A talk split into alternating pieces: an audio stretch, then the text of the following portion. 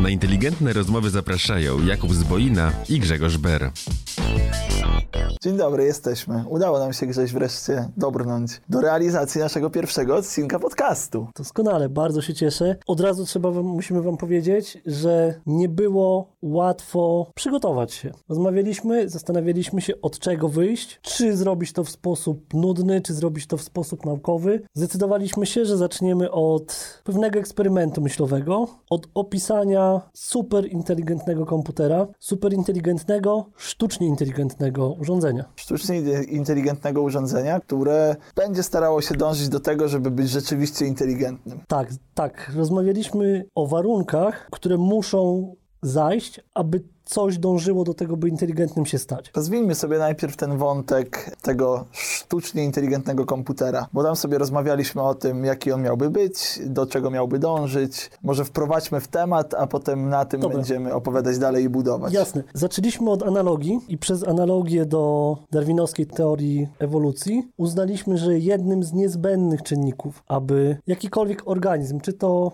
y, czy organizm żywy, czy system, musi być obarczony, musi istnieć imperatyw, który będzie kierował go do realizacji jednego najważniejszego kluczowego celu. W przypadku teorii darwinowskiej jest to przetrwanie gatunku. Jest to podstawowy, najważniejszy motor ewolucji. W przypadku naszego komputera Założyliśmy sobie, że tak samo jak w przypadku teorii ewolucji darwinowskiej, nasz superkomputer też będzie musiał przetrwać, z tym, że nie będą mu groziły deszcze, głód. On będzie musiał przetrwać, utrzymać się, a nawet rozbudować na liście top 500 superkomputerów. Postawiliśmy mu za cel, że będzie musiał trzymać się blisko samego szczytu tej listy, najlepiej znajdować się w top 10. Jakie cechy będzie musiał mieć ten superkomputer, żeby mógł realizować cel, który mu postawiliśmy? według mnie, i może się ze mną zgodzisz, może nie, on w ogóle musi przetrwać. Musi w jakiś sposób lub to dostosować się do swojego otoczenia, lub samodzielnie je kształtować, aby warunki, w których się znajduje, były optymalne do przetrwania. Zgadza się. Na początku pewnie będzie po, potrzebował e, pomocy z zewnątrz, nie mówiąc już o samym algorytmie, który będzie używał do tego, żeby przetrwać. Musimy wskazać mu interfejsy pewne, którymi będzie mógł się rozbudowywać, którymi będzie mógł zapewniać sobie e, rzeczy do działania. No i właściwie tutaj ta pierwsza cecha, która jest potrzebna takiemu komputerowi, żeby Zróbmy krok do tyłu, określmy samo minimum. To, żeby przetrwać y, w przypadku organizmów żywych, to jest znalezienie takiego fizycznego miejsca, żeby było bezpiecznie, sucho, żeby nie zachorować, żeby mieć wystarczającą, o czym na pewno będziemy wielokrotnie wspominać, ilość energii niezbędną do, do przetrwania. Żeby coś takiego miało miejsce, musimy wyposażyć ten nasz wyimaginowany system w zespół zmysłów. w zespół zmysłów, a tak naprawdę odczytów, mm, które będą pozwalały mu się zlokalizować gdzieś w tym świecie i zlokalizować swoje surowce, e, które są mu potrzebne i miejsca, z których te surowce może, może pozyskiwać. Nie wiem, czy na razie na początek dla algorytmu wieku dziecięcego powinniśmy iść aż w pozyskiwanie energii, bo na razie e, możemy bardziej rozpatrzeć sobie to przetrwanie, tą chęć, chęć przetrwania i utrzymania się w tej funkcji celu, o której mówiliśmy, w samej topce wydajności.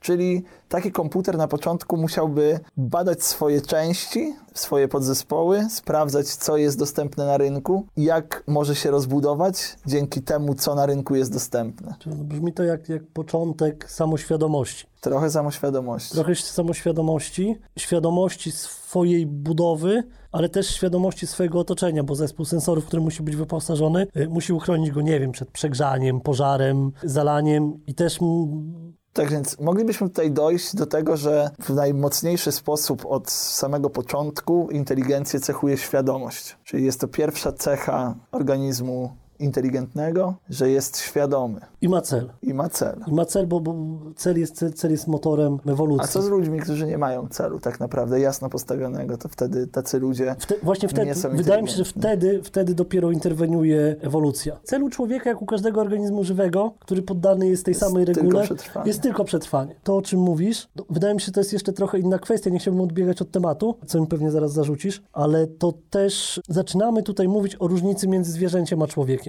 Bo w przypadku y, człowieka można mówić o tym, że to krea kreacja jest... Ale y, też człowiek dopiero przez lata wyprodukował sobie sztuczne cele po to, żeby zająć swój czas. Bo zobacz, że człowiek na początku nie miał czasu na nic innego oprócz przetrwania. On musiał zdobywać żywność, musiał się dobrze wyspać, przenieść swoją rodzinę, Mhm. ewentualnie dobytek w kolejne bezpieczne miejsce. Podczas tego, gdy już coraz więcej czasu było do zmarnowania, że tak powiem, gdzie ktoś wytwarzał żywność za niego, te metody wytwarzania żywności stawały się coraz łatwiejsze, wtedy znajdował czas na, Cudowanie. na cudowanie. Cudowanie. Na wymyślanie sobie po prostu sztucznych celów, żeby jego życie nabrało według niego sensu, który nie byłby tylko przetrwaniem. Zgoda. Pełna zgoda. Wróćmy zatem do naszego superkomputera. Y, Zakładamy, że jest w stanie poprzez zespół y, sensorów, w które został wyposażony. Będę miał potem prośbę, żebyś wytłumaczył, w jaki sposób interpretuje się te sygnały zewnętrzne. Po zabezpieczeniu podstawowych potrzeb, czyli, czyli jak gdyby utrzymania się, zrealizowanie tego imperatywu, który jest utrzymanie się w top 500. Poza energią,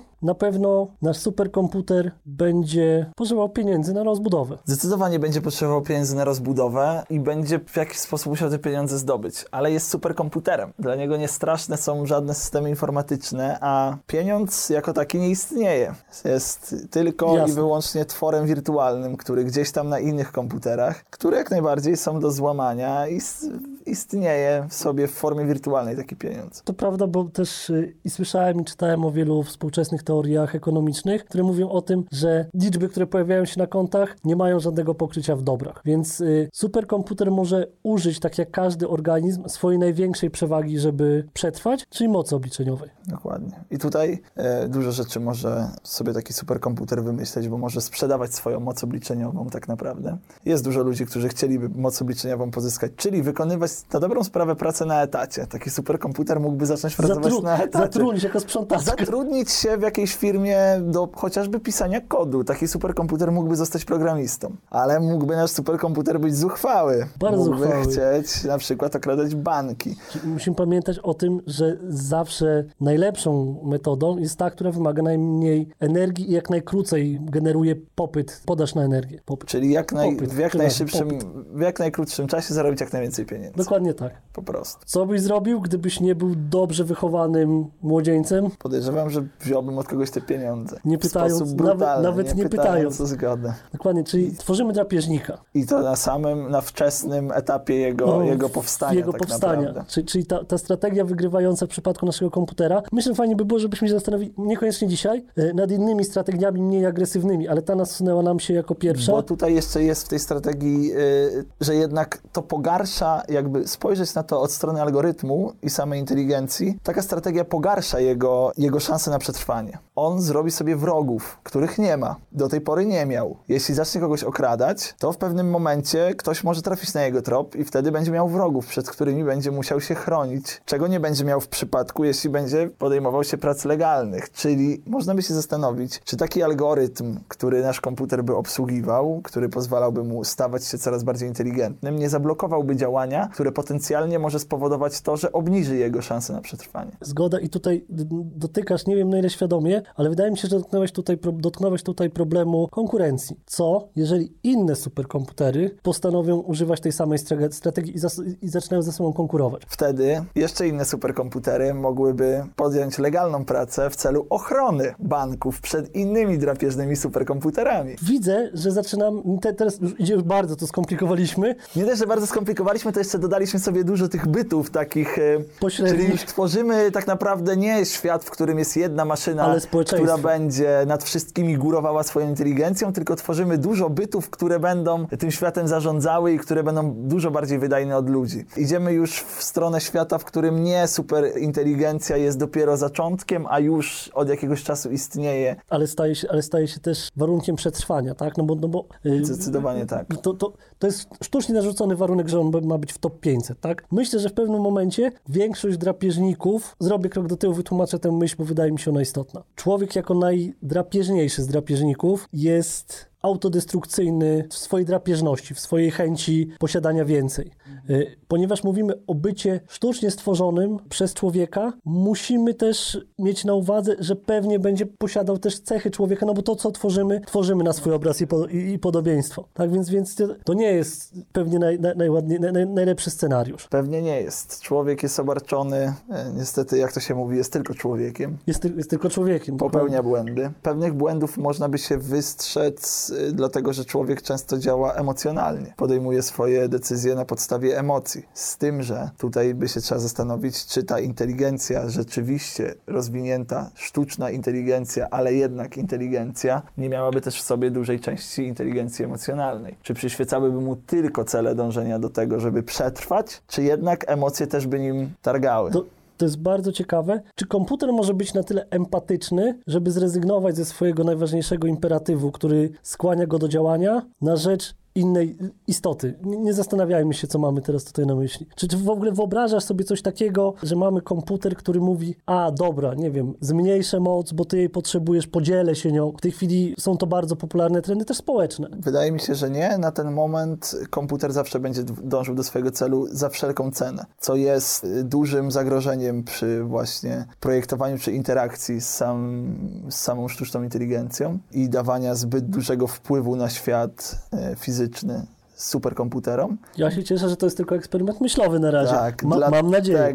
Dlatego, że superkomputer y, i tak stworzona inteligencja zawsze będzie dążyła do swojego celu. On zawsze będzie minimalizował funkcję celu, bo on nie zna nic innego. Dla niego to nie jest coś złego albo dobrego. On zna pewne środki, którymi może minimalizować funkcję celu i będzie to robił. Okej, okay. wspomniałeś o funkcji celu. Nie bez kozery jest to jeden z terminów, który pojawia się w informatyce. Y, Zdecydowanie. Zostawmy naszego negatywnego bohatera, nasz czarny charakter na chwilę. Chociaż chcielibyśmy go nie kreować takim czarnym do ja końca. Myślę, ja myślę, że, że tutaj bardzo ważne będzie rozważenie innych scenariuszy, tych mniej agresywnych, ale pamiętajmy, że raczej powstanie to na, po, na nasz obraz i, i podobieństwo, ale wró- wróćmy do funkcji celu. Nieraz używamy tej definicji i nie do końca wiemy, co się za tym kryje. Powiedz kilka słów o samym mięsku, czyli o tym, jak funkcjonuje komputer. Dlatego bardzo często używamy funkcji celu, ponieważ funkcja celu na dobrą sprawę opisuje algorytmy najczęściej wszystkie reinforce, reinforcement learningowe. Czyli te, tak, czyli te, gdzie uczymy się bez dodatkowych danych treningowych, tam gdzie jest po prostu wiemy, co możemy robić, a zadaniem algorytmu samego w sobie jest sprawdzanie, co z tych rzeczy w jakiej kolejności robić, żeby minimalizować tą funkcję celu właśnie. Funkcję celu zazwyczaj minimalizujemy, nie maksymalizujemy, bo zero jest jakieś, jest określone, mhm. więc dobrze jest dążyć do czegoś określonego. I na przykład w przypadku naszego superkomputera taką funkcją celu e, mogłoby być wprost jego pozycja w top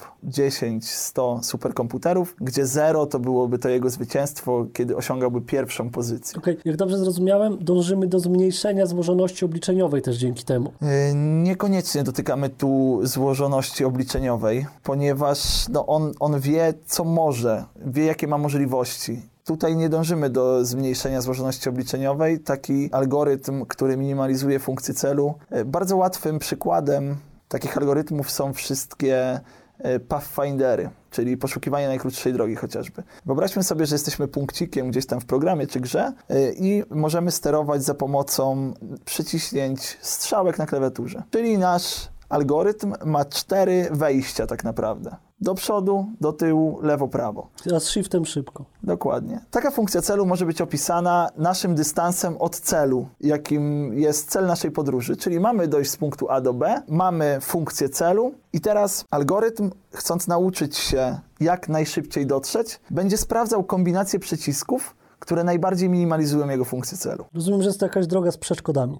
Właśnie tu dochodzimy do innego problemu, bo jeśli będzie przeszkoda na samym środku, a my na początku wyuczymy komputer, że najłatwiej będzie, jeśli wciśniesz strzałkę do przodu i, I pobiegniesz prosto, to on uderzy w barierę i zauważy, że tutaj nigdzie nie może dalej dojść. Tu będzie potrzebny kolejny trening, bo zobaczy, że ta funkcja celu się nie zmniejsza, wtedy zobaczy, że może warto wcisnąć parę razy w lewo, nawet stracić trochę na tej funkcji celu, żeby później móc iść do przodu, czyli tak potocznie nazwane dwa kroki w tył, jeden do przodu. To też się dzieje i to też jest właśnie opisane za pomocą funkcji celu. Dążymy w tym systemie do pewnej złożoności mhm. i teraz czy nasz superkomputer powinien uczyć się tylko sam za pomocą tego, co, e, jakie możliwości mu dajemy, czy powinniśmy też go wytrenować? Czyli taki superkomputer, żeby osiągnąć tą inteligencję, jednak powinien mieć nauczyciela. E, tutaj nawiążę do jednego z opowiadań Lema, gdzie jeden z wynalazców Lema, Klapaucjusz, chciał stworzyć komputer, który będzie pisał najpiękniejszą poezję na świecie, który będzie produkował najpiękniejsze wiersze, jakie tylko znał świat, będzie najlepszym pisarzem i mógł produkować cokolwiek chce. Te książki były wydane w latach 60.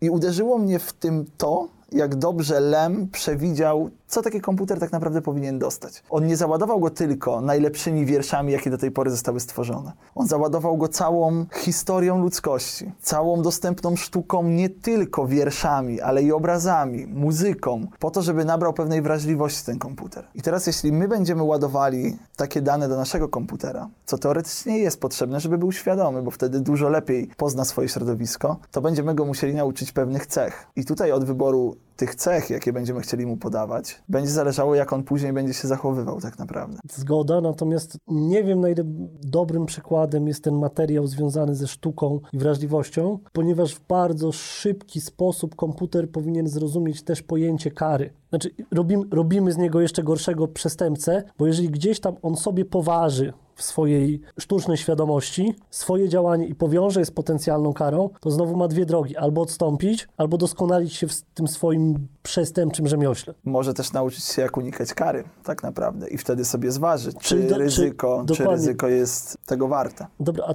powiedz mi, w jaki sposób, zasymulujmy, bo jest jeszcze jedno, nie chcę, żebyśmy ciągnęli tę rozmowę zbyt długo, natomiast nurtuje mnie jeszcze jedno pojęcie, którego, które znam, rozumiem, natomiast jakoś nie mogę go tak idealnie wpasować do, do tego obrazu, w którym momencie pojawi się sieć neuronowa i w jaki sposób ona będzie trenowana. Weźmy ten przykład z unikaniem kary. Musielibyśmy wskazać z takiej sieci neuronowej to na przykład, za co te kary może dostać, albo jakie prawdopodobieństwo będzie tego, że dostanie karę. Powiedzmy, moglibyśmy też, jeśli popełnisz zły uczynek, co jest dosyć szeroką cechą, nadać mu gdzieś tam jedynkę. Jeśli popełnisz zły uczynek, nadajemy jedynkę, to jest duża szansa na to, że będzie kara. Czy, czy takimi waga, przepraszam, przerwałem ci, ale wpadło mi coś do głowy. Czy jeżeli jednym z setów, które, setów, zestawów informacji, które podalibyśmy komputerowi na wejściu, byłby kodeks karny i za każde przewinienie różna kara tak naprawdę. To czy ta kara mogłaby być wagą w pewnym Bardziej sensie? Pu punktowalibyśmy te wagi.